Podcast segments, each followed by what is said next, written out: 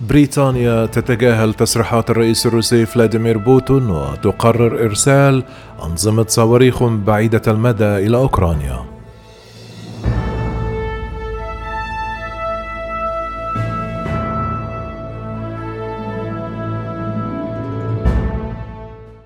قال وزير الدفاع البريطاني أن المملكة المتحدة سترسل أول دفعة من صواريخها البعيدة المدى إلى أوكرانيا على الرغم من تهديد روسيا للغرب.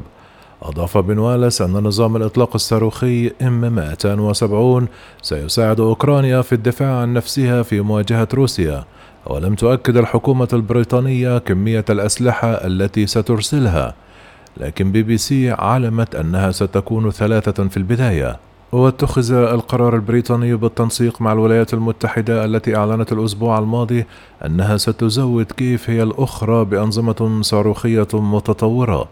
أثارت الخطوة التي اتخذتها الولايات المتحدة حفيظة موسكو وهدد الرئيس الروسي فلاديمير بوتين بتوسيع قائمة الأهداف التي ستهاجمها روسيا في أوكرانيا إذا أرسلت الدول الغربية أسلحة بعيدة المدى إلى كييف. وقالت الحكومة البريطانية أنها ستدرب الجيش الأوكراني على كيفية استخدام منصات الإطلاق في المملكة المتحدة في الأسابيع المقبلة. قال وزير الدفاع البريطاني عند الإعلان عن هذه الخطوة أن بريطانيا تؤدي دورا رائدا في تزويد القوات الأوكرانية بالأسلحة الحيوية التي تحتاجها للدفاع عن بلادها في مواجهة الغزو الغير مبرر. وأضاف أنه يجب مع تغير التكتيكات الروسية أن يتغير دعمنا لأوكرانيا. قال ستمكن أنظمة الإطلاق الصاروخية المتعددة والعالية القدرة أصدقاؤنا الأوكرانيين من حماية أنفسهم بشكل أفضل من المدفعية بعيدة المدى والتي تستخدمها قوات بوتين بوحشية وبشكل عشوائي لتسوية المدن بالأرض. وتصدرت بريطانيا والولايات المتحدة الدول الغربية في إمداد أوكرانيا بالأسلحة، لكن منحها صواريخ متقدمة بعيدة المدى يمثل تحولا كبيرا بحسب ما قاله مراسل شؤون الدفاع في بي بي سي جوناثان بيل.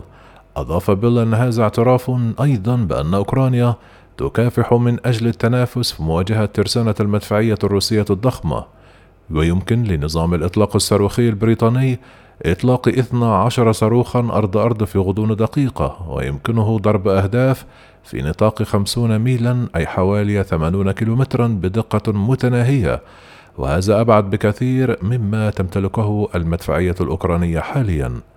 هو مشابه للنظام الذي تترسله الولايات المتحدة وهو نظام صاروخ ام 142 العالية الحركة والمعروفة باسم هاي مارس قالت واشنطن الأسبوع الماضي أنها ستزود أوكرانيا بأربعة قاذفات صواريخ متعددة من طراز هاي مارس بعد تلقي ضمانات بأنها ستستخدم لأغراض دفاعية فقط وليس لضرب أهداف داخل روسيا.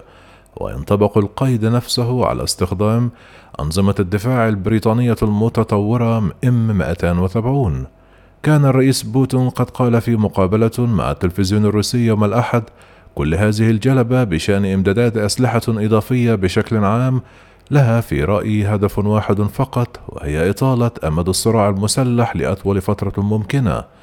كما أضاف فلاديمير بوتين أن ما تقدمه الولايات المتحدة ليس بجديد. لكنه حذر من إرسال صواريخ ذات مدى أطول قائلا إذا وفرت هذه الصواريخ فسوف نستخلص النتائج المناسبة ونستخدم الأسلحة التي لدينا وما يكفي منها لضرب تلك الأهداف التي لم تضربها بعد. جاء التحذير في الوقت الذي هزت فيه انفجارات أجزاء من العاصمة الأوكرانية كيف يوم الأحد في أول هجوم على العاصمة منذ أسابيع. بينما يستمر القتال العنيف للسيطرة على البلدات والمدن الرئيسية في منطقة دونباس الشرقية. كما أعادت روسيا تركيز جهودها العسكرية على دونباس في نهاية مارس آذار بعد انسحابها من منطقة كييف سيؤدي الاستيلاء على المدينة إلى تسليم منطقة لوهانسك للقوات الروسية وحلفائها الانفصاليين المحليين الذين يسيطرون أيضا على جزء كبير من دونيتسك المجاورة وتشكل المنطقتان إقليم دونباس المعروف بالصناعات الثقيلة. قال الرئيس الأوكراني فلاديمير زيلينسكي أنه زار قوات على الخطوط الأمامية في منطقة دونباس الشرقية وفي بلدة سوليدار. كما تعهدت عدة دول أخرى بإرسال أسلحة متطورة إلى أوكرانيا فقد وعدت ألمانيا بإرسال أحدث أنظمة دفاعها الجوي IRIS-T لتمكين أوكرانيا من حماية مدينة بأكملها من الهجمات الجوية الروسية.